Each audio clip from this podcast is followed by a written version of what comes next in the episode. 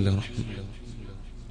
لا أقسم بهذا البلد وأنت حن بهذا البلد ووالد وما ولد. لقد خلقنا الإنسان في كبد أيحسب أن لن يقدر عليه أحد؟ يقول أهلكت مالا لبدا أيحسب أن لم يره أحد؟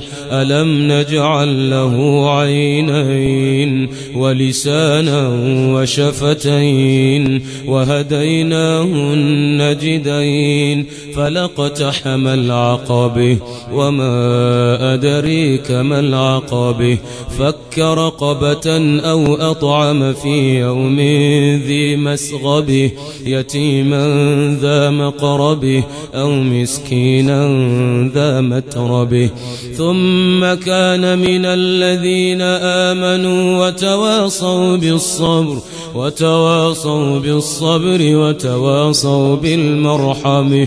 أولئك أصحاب الميمنة والذين كفروا بآياتنا هم أصحاب المشأمة عليهم نار موصده